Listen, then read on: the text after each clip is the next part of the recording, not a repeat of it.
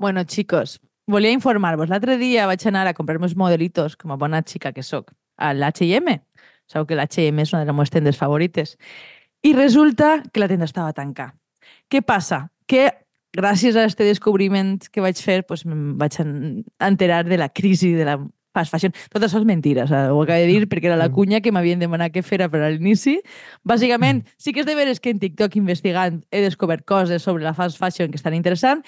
Bàsicament que H&M està tenint una crisi molt totxa i ha tancat un més de 20 tendes en l'estat espanyol. De fet, la seva eh, manager ha dimitit, un problema. I jo vaig posar, començar a mirar i vaig veure, pues a veure si n'hi ha algo més d'informació en general. No hi ha manera de trobar cap tipus d'informació sobre el que li passa en Inditex, però sí que aparentment... Però H&M no reun- és d'Inditex, no? no, no, no. Però Vale, H&M vale. sí hi ha notícies, però d'Inditex no. hi ha absolutament res. Home. cap notícia, sea por lo que sea, però Se- sea- bàsicament... sea- home, sea perquè se'l se va trobar Yolanda Díaz anant a córrer i Òbviament. això és la notícia, no? Que, que, que, que amable és Amancio. Ya, ya, es que cambiarlo de H- el Zara, porque Zara no tanca ninguna tienda. Entonces, mm, esta cuña que bien fet no tenía molt de sentit si era Ja. Zara. Però bueno, de fet, trobo que la tienda H&M en València tampoc ha tancat, de moment. Però bé, la qüestió, el tema és que eh, faran fora unes 500 persones en l'estat espanyol, no és poca broma.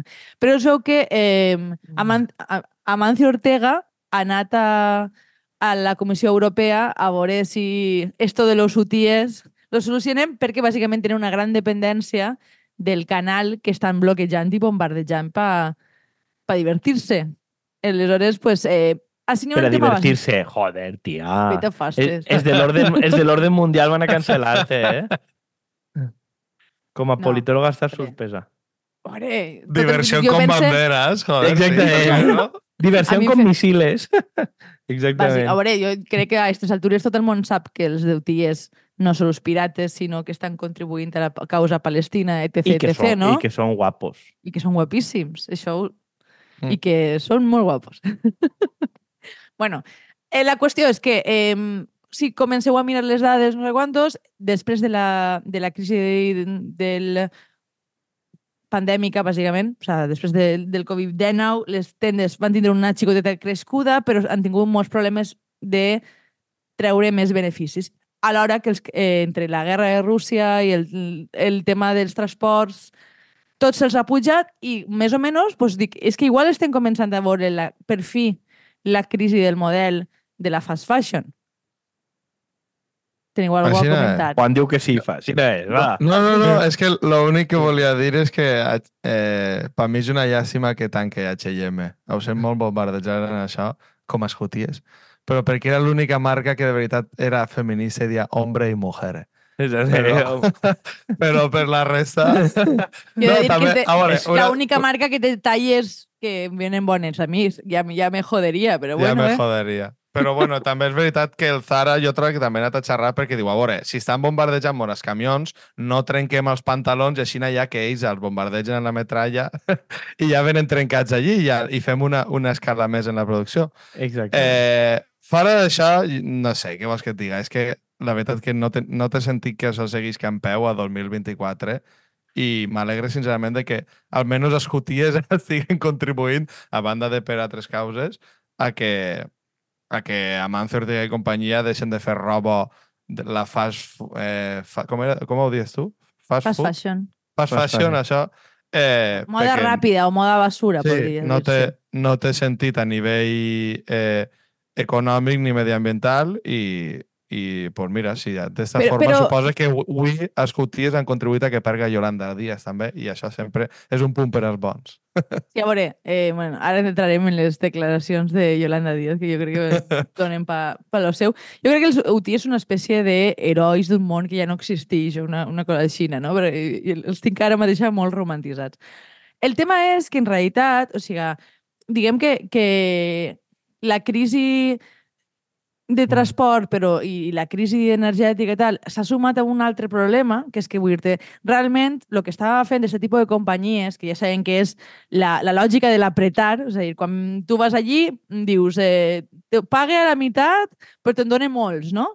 En, en, a gent que està realment desesperada i això ha funcionat, doncs portem quant de temps va passar del Rana Plaza? Va ser en 2017, no ha canviat absolutament res en el model, però tenim una cosa que és que els xinos ho fan millor que tu.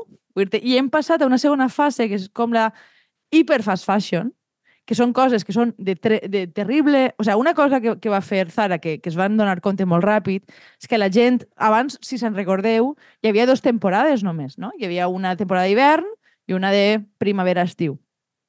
Una cosa que va començar a fer Zara fa un grapa d'anys, no tampoc tants, eh, però suficients, eh, va, va ser donar-se compte que la gent li importava menys eh, que la roba fora de mala qualitat, sí, podia estar a la moda sempre.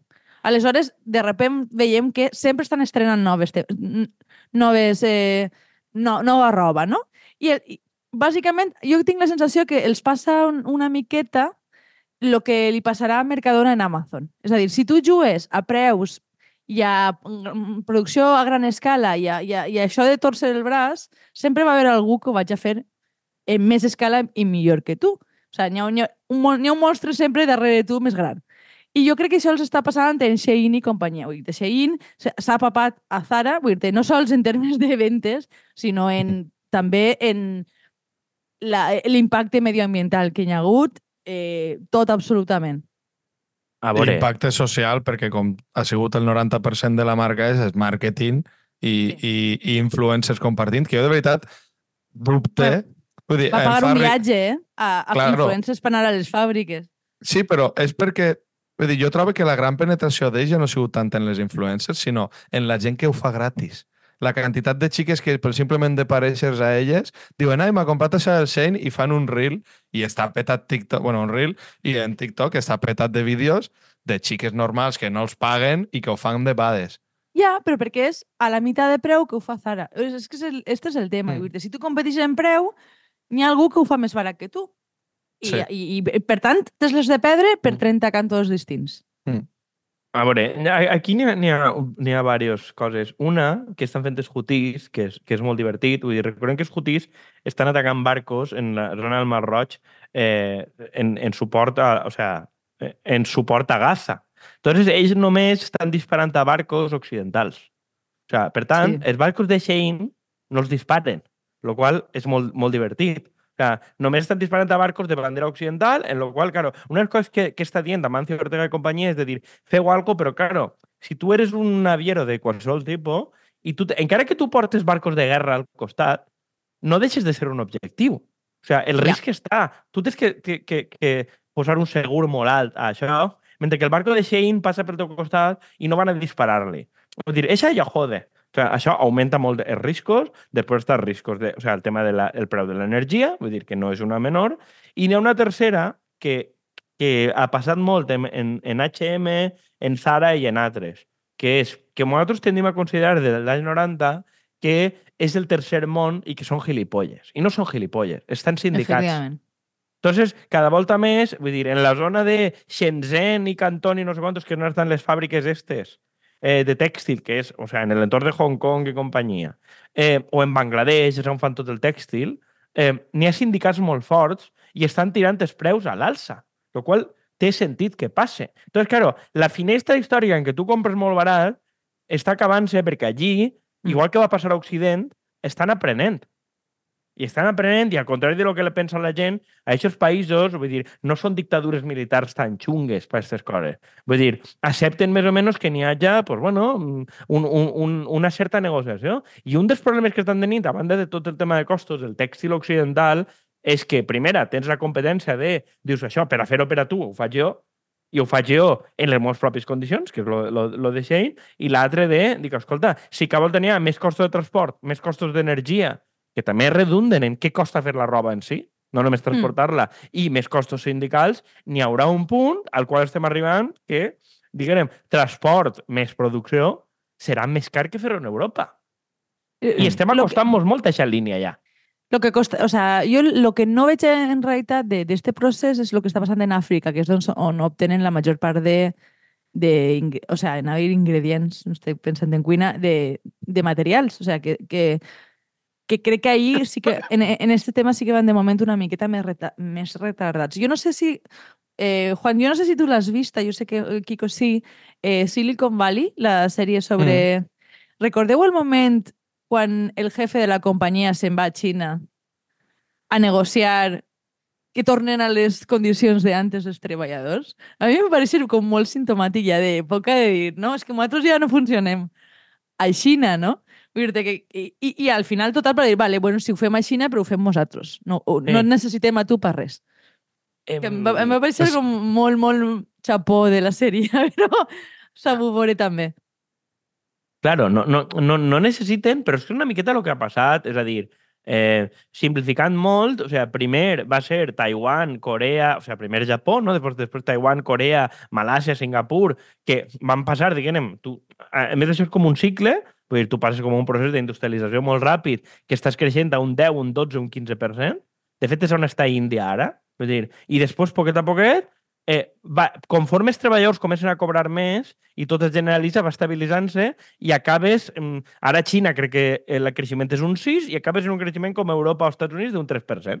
Vull dir que és una economia desenvolupada. Això està més o menys eh, generalitzat que és un cicle i entonces el que passa és que cada volta s'estan acostant més a nosaltres en... Eh, a, a, jo no dic que sigui tot lineal, però vull dir, primer construeixes fàbriques, després fas cases, després els xinesos i asiàtics ja estan fent eh, escola, universitat, centre de salut, centre de vuelos, vull dir, ja estan en una fase molt, molt, molt semblant a la que van passar per nosaltres en els 80. I per tant, sensació que és estàs nor- parlant d'un videojoc de construcció. però és que- és que és desenvolupament. és que funciona a Xina, vull dir, de fet, eh, si, si eh, Xina, per exemple, ara el que diuen és n'hi ha que produir menys coses massives per exportar i hem d'invertir en infraestructura social per a la gent. Estan en, estan en aquest punt. I això també permet, i té molt que veure en el que deia de ella de Shane i tal, això també permet produir coses en uns altres estàndards de qualitat i en altre preu, perquè cada volta n'hi més servicis que estan absorbits per l'Estat. Diguem de cuidado xiquets, de vuelos, ajudes públiques, vull dir, eh, conforme fer un estat de benestar més complex, el, els salaris pugen per un costat, però també la gent té, té altres condicions de produir i, per tant, produeix de forma més eficient. I això havia de passar abans o després. Si la idea loca era que això anava a allargar-se indefinidament. Sí. Però vull dir, el tema és que no són tontos, uno, i dos, aprenen de nosaltres.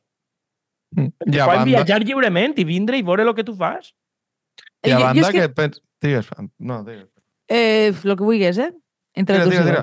Tira, No, que, que jo el que veig, eh, i eh, estic sos, ja sospitant que el que veurem en els pròxims anys és com una reconversió de perfils com Zara no sé quantos a moda sostenible, que, que la, voldran que molt a paper, millor, però o sea, per molt que Yolanda Díaz pense que és nostre aliado, jo, jo crec que a dia d'avui no hi ha ningú a l'esquerra de que puga pensar que, que Amarcio Ortega i tot el, tot el que ha vingut després d'ell ha sigut una bona cosa per a la humanitat, perquè jo crec que això és una barbaritat. Vull dir, encara que vagis de la política Barbie, no, no t'ho compre.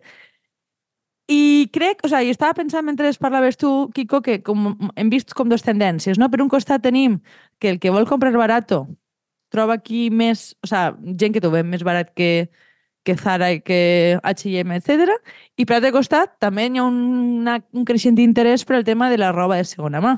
Jo, la, de fet, la major part d'influencers que seguisc en TikTok i això són gent que es dedica a anar a tendes de segona mà. Això, això genera les seves pròpies bombolles, eh? Vull dir, no està lliure de conflictes, però el tema és que no requereix tanta producció. De fet, una de les coses que diuen en aquest sector és si és una, una cosa que s'ha eh, creat fa menys de tres mesos, això no és de segona mà. Vull dir, això és entrar en la bombolla de, de, la, de la hiperproducció, no? Però vull dir que jo el que em tocaria molt els ous és tindre que ara pensar que Zara és moda verda... bueno, això H&M ho va intentar en el tema de, de que tu podies portar roba per a reciclar i et donaven roba i tenia una, una part de sostenible, però que tots sabem que, no, que és fals, que és mentira. Vull dir que la major part de roba acaba, no sé si és en eh, Senegal, no, bueno, no sé, envi- envien quilos i Mm. quilos de roba allà que acaben en muntanyes, igual que fem en la basura, bàsicament. Sí. Ah, el problema, eh, a veure, jo, per un costat, el que volia dir és que m'alegre que tot això vagi explotat també, eh, gràcies a, als iemenis, perquè sincerament trobo que s'estan s'estan cobrant que mentre eh, Aràbia Saudí i companyia els ha estat aplastant durant molts anys i han estat una guerra en la connivència, vull dir, matant els iemenis amb, amb armes espanyoles venudes pel, pel l'antic rei i venudes també pel govern de Pedro Sánchez i companyia allí. I els barcos I- fabricats en el Cádiz de Kichi. Eh? Sí, sí, per això ho També, dic. Vull dir, que- eh, que tot allí, tot estava allí i els estaven matant perfectament, doncs troba que també és de justícia poètica que ara li ho cobren als Estats Units, al Regne Unit i també als europeus. I dir, Espanya, sí. Sincerament, m'alegre de que això sigui així. I del segon punt, de, dir, el tema de la, de la moda, és que és obvi que també havia de petar perquè és una indústria que mai ha internalitzat ningú tipus de, de... bueno, és obvi que no va internalitzar externalitats, però que tot, tot s'ha basat en que les externalitats negatives les, les tirem a altres països, no, le, no les enviem a, així i, i vamos, és que sincerament m'alegre de que, la de que, de que això se'n vagi a la merda. Perquè, sincerament, si tot ha tot ha de passar perquè hem d'estar a la moda i el que siga, perquè repetir modelito és per semblar poble, pobre i merdes d'estes aspiracionals i tal, doncs què vols que et diga? Eh, igual també és perquè no tinc... Com vegeu, és un sector que no m'agrada una merda, però que trobo que, que, que m'alegre que, que això vagi a passar gràcies també als Pirates Gemení, també, per ser molt guapos. Sí, a veure, eh, ho diem abans, són un poquet dels últims internacionalistes que n'hi ha en el món. O sigui, és gent que s'ha clavat en este conflicte, és a dir, sense tenir un interès eh, directe en, en, en el tema. I també perquè eh, són una miqueta, en este context, eh, perdedors de la globalització en sentit absolut. Vull dir, Mm, mm, allí, no, allí no ha arribat... O sigui, això antigament era la part més rica d'Aràbia, eh, o sea, molt més rica que els putos oasis del desert, a part de que trobarem petroli i tal. I ahir han estat matxacats, diguem, per, per, per tots els cantons. Entonces, diguem, és, és normal i també n'hi ha que internalitzar la, la idea de que n'hi ha un risc eh, polític en aquestes coses. Vull dir, que esta gent vagi a estar tota la vida però igual que el que pensaven dels de Gaza. És a dir, que pot haver gent que tu la tingues en el tercer calaix eh, ahir i oblidar mentre tu et vagi tot bé, pues esta gent diu, no, no, escolta, si tots esteu guanyant en, en tot el casino este, jo també vull jugar i també tinc Mm. dret a jugar. I la, I la qüestió, eh, el que crec que n'hi ha que anar mm, acceptant és que tenen tot el puto dret a jugar i a, i a, i a fotre el que, lo que vulguis. Perquè, vull dir, en gran part, conforme dius tu, Juan, si estan a Xina també és en bona part per acció o per omissió nostra Sí. eh, Sí. conforme estan, perquè nosaltres ajudem a això, a, a la teocràcia més xunga del món que ha assassinat gent i tot això perquè ens interessa. Pues, oye, em, ara anar contra ells i no, és que Iran ha dit que no sé què, no sé quantos. Però escolta, esta gent es busca els seus aliats perquè, evidentment, de nosaltres no poden esperar absolutament res. I, I, i, que, I que muy mal perquè són islamistes i evangelitzadors i no sé quina merda. Dius, vale, si ho fa, si ho fa l'àrab és un terrorista, si ho fa Bukele és el nostre, és el nostre heroi, no? Eh, dir, els sí. dos es basen en, en un tema religiós, però... Però és que ells, però és no que ells, van, ells van pillant, diguem, ells- ells van pillant la, diguem, la, la lògica hipòcrita que, que, que es gasta per a justificar certes coses. És a dir, igual que fins a cert punt diem que Apple és un producte americà i tu mires i tots els iPhone, i tots els iPad, i tots els ordenadors diu assemble't in China, és dir, en, en, en, a llarg termini, per molt que tu facis un discurs sobre el que té valor és el disseny i no sé què, no sé quantos, a llarg termini, els xinos no són subnormals de què està passant i què no està passant. Vull dir, al final aprenen i diuen, ah, sí? Tu jugues a això? Vale, doncs jo jugo a això. Que és, en, algun dia hem parlat del, del llibre este de la Índia, que em va agradar molt i Andrea es va llegir, de... Que, a, mi, per a escolta, mi... a mi també em va agradar molt. A veure si creus que només et No, va a agradar veure, a tu. que, no, però li va recomanar a ella ella també li va agradar, perquè, perquè claro, però una volta que algo de la Índia ho descobrí jo antes que tu, pues, clar, eh, eh, algo té que passar. El podcast Eh, també està molt bé, que me l'estava escoltant. El, el podcast està, està molt bé, parla una miqueta ràpid l'home, però està molt bé. I per a mi la, la part més fascinant és com els propis indis entenen com funcionen els occidentals i s'adapten. I crec que és, és lo, més, lo més il·lustratiu de tot. N'hi ha un punt que ells veuen que n'hi ha una diferència substancial entre el teu discurs i la teva pràctica i aprenen a no escoltar el teu discurs, sinó a atendre's a, la a la teva pràctica. I per a mi, el que estan fent mm, àrabs, xinesos, russos, no sé quantos, de dir, tu dius una cosa, però jo vaig atendre'm a lo que tu fas. I diguem, gran part de l'escàndol que tenim aquí en mitjans, en xarxes socials i tal, és escandalitzar-nos perquè mm, fan, o sea, lo que diuen. No com nosaltres, que tot el rato diem drets humans, però li dispare als moros a Melilla i que s'ofeguen ahí, mentre jo no els veig a la tele de puta mare. I, Sí. I crec, dins de lo mal, esta gent són molt més coherents. De dir, mm, prediquen una cosa i la fan. Els xinos no diuen sí a la democràcia, no sé què, no sé quantos, no. Diuen, no, no, jo, el meu model no és este, i fan el que fan. I aquestes persones tampoc no van de lo que no són. I això ens escandalitza, perquè crec que estem molt posats a viure en aquesta hipocresia. Sí. Com, per exemple, el, eh, lligant en el, lo de Yemen és lo de, lo de Palestina i tot el suport este que se li llevat a l'organisme este de la ONU de refugiats i tal, perquè diuen que n'hi havia gent de Hamas i merdes d'estes. Sé que s'anaven molt, però eh, No, em, pare, però- em pareix el típic d'això d'hipocresia d'Estats Units, Suècia... No, la cuna de la socialdemocràcia, merdes, va, no se'n a cagar. Dic, ara per, per això li lleveu ahir i damunt el pitjor de tot és que li feu un flaco favor a Sánchez perquè pareixga un estadista sense moure, sense moure la polla, primo. Que jo crec que això és el tema que més li molesta a Juan, és que, És que Pedro va, no. quede bé per no fer res. Sí, és que li, li, fan, li fan un favor, però és que és igual que ara. Pedro Sánchez no vagi a bombardejar els Houthis. Vull dir, és que, vamos, és que a les pròximes que voten PSOE, dir, que se'n vaig allí i els pague una milícia, quatre drons d'estos que utilitzen per bombardejar els barcos, perquè ahir li ha vingut de puta mare, vamos. I, i li ha vingut, però bueno, com després acabem en, en, parlant de la, de la merda d'Eurovisió, que és el que diem, no? Vull dir, ha hagut una er- erosió molt clara de, de, de, de, de la credibilitat occidental. Bàsicament, un any vetes a Rússia, i Rússia continua a vetar, i en l'altre Israel està dins. Però, clar, vull dir, la, com la resposta d'ací és comprar-se un casupet més, i A està quin molt bé. sant pa- havia de participar Israel? Vull dir Rússia està en Europa, Sí. Israel no? Sí. I, i Què m'estàs contant? I hashtag orden mundial. Estratègicament, t'interessa molt més portar TV en, en, esta, en Rússia que en Israel? Vull vull dir, que que Israel, Israel et pilla molt més lluny que Turquia o Rússia. I a Rússia o a Sí. Turquia els matxaques molt més de lo que els matxacat a Israel perquè són mis hermanos o perquè els alemans tenen... A veure, tenen però tu, tu què senten mal saps? perquè els van matar. Vull dir, no Juan, sé. tu què saps de coses d'estes? Els, els equips d'aixòs de bàsquet d'Israel no juguen a la Lliga Europea? Sí, el Tel Aviv, no, l'Europea, l'Europa League, tot això. Vull dir, l'Europa League i Conference arriba fins a Kazakhstan i, també, i, i no l'excusa pots d'arribar pensar- fins allà és per arribar també a Israel.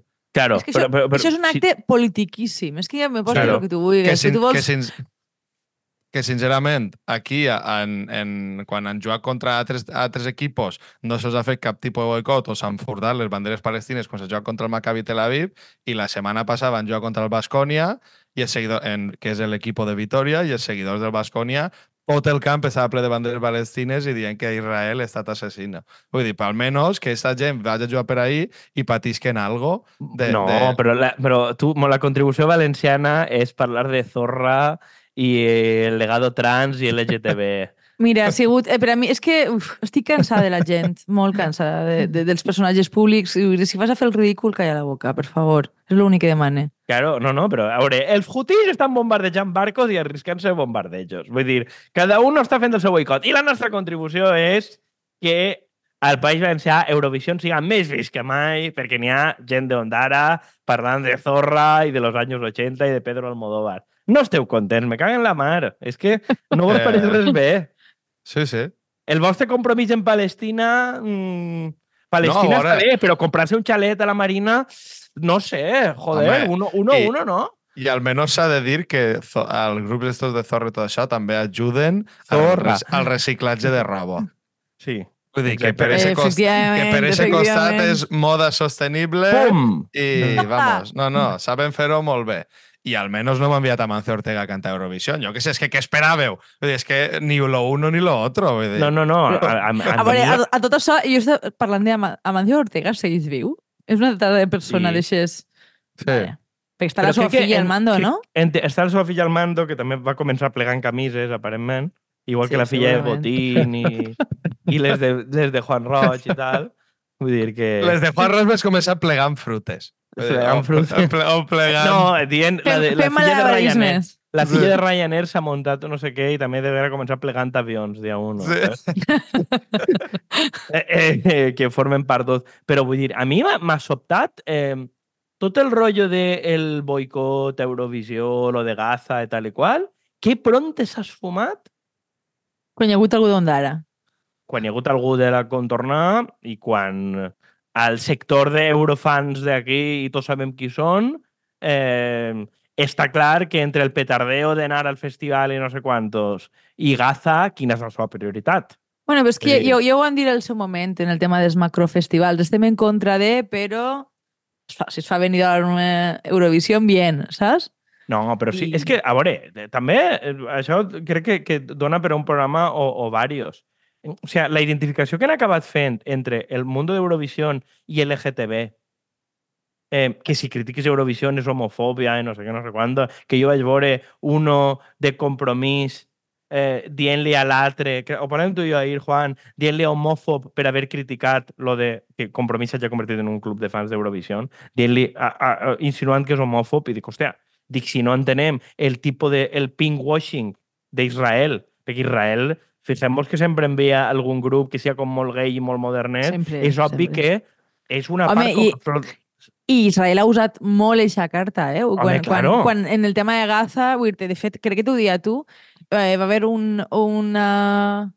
Eh, com es diu? Eh, eh, persona que es vestix, no? Que, no, no és transgènere. Eh, drag queen. un, un, diguem. drac, un drac. que es va Sí. significar molt en el tema de, de Palestina i, vamos, el van fer pols de així t'assassinarien i no sé quantos, i és, però, però, però que locura, vull dir-te. Claro, Jo perquè crec- al, al, als, al, als gais i dracs palestins la bomba no els afecta.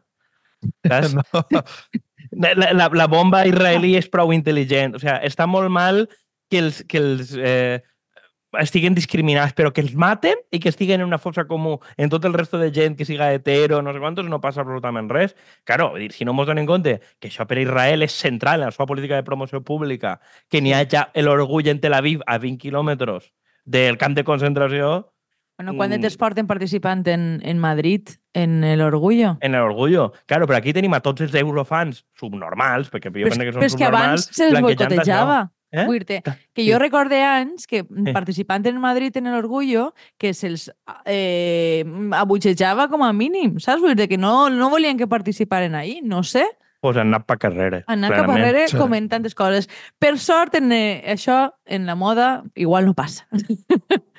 I, en això, Jo, I dic això ja per anar tancant, perquè Sí. una altra volta que anem als 30 minuts. Bueno, joder, si tu Jo creus només- que no té algo que veure la moda en tot, o sea, hem fet Sí, un sí. cercle... Jo- jo només volia tancar que han perdut l'oportunitat històrica d'enviar Eurovision aquí en Àfrica i que cantara la bomba. Vull dir, Exactament. precisament era l'any allí o, qui, d'enviar qui, al cantant este que, que es dia el pirata, no n'hi havia uno que li diuen el pirata? Pues enviar-lo allí vestit de pirata el yemení. pirata? No recordo qui és, el xaval, el xaval de la peca? No. Ah, no, ah, no, és un locutor de ràdio, calla, no, no, és un locutor de ràdio. No. Bueno, bé, ho deixem ahir que ja han fet el cercle sencer. No sé, a veure com li direm a aquest programa, saps?